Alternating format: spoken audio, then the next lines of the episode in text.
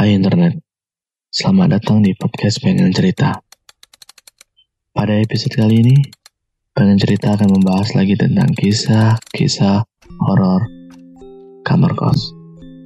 Kisah ini ditulis di situs baca yang terkenal Wattpad dengan akun Winda Revalina yang berjudul Kamar Kos yang Berisik.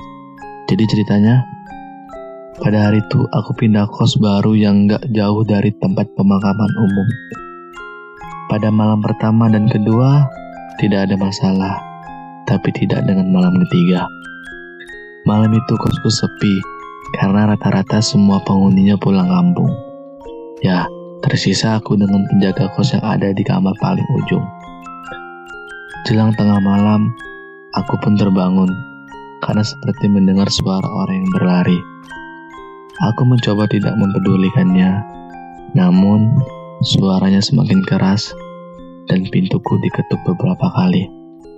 Ya, aku mulai terganggu dan mencoba melihat keluar, tapi tidak ada orang. Kegelapan sepanjang lorong, hanya ada cahaya di ujung, yakni kamar penjaga kos. Aku mulai kebingungan Aku mencoba untuk tetap berpikir positif dan kembali tidur. Aku terbangun lagi karena suara ketukan pintu itu semakin keras.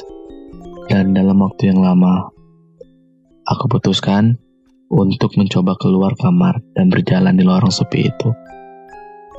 Aku menyalakan lampu dan tiba-tiba aku melihat dua sosok hitam di ujung lorong. Aku terdiam. Badanku lemas Keduanya melihatku dengan mata merah menyala. Mereka kemudian seperti berlari ke arahku. Semakin dekat dan cepat. Mereka berjarak tidak jauh denganku.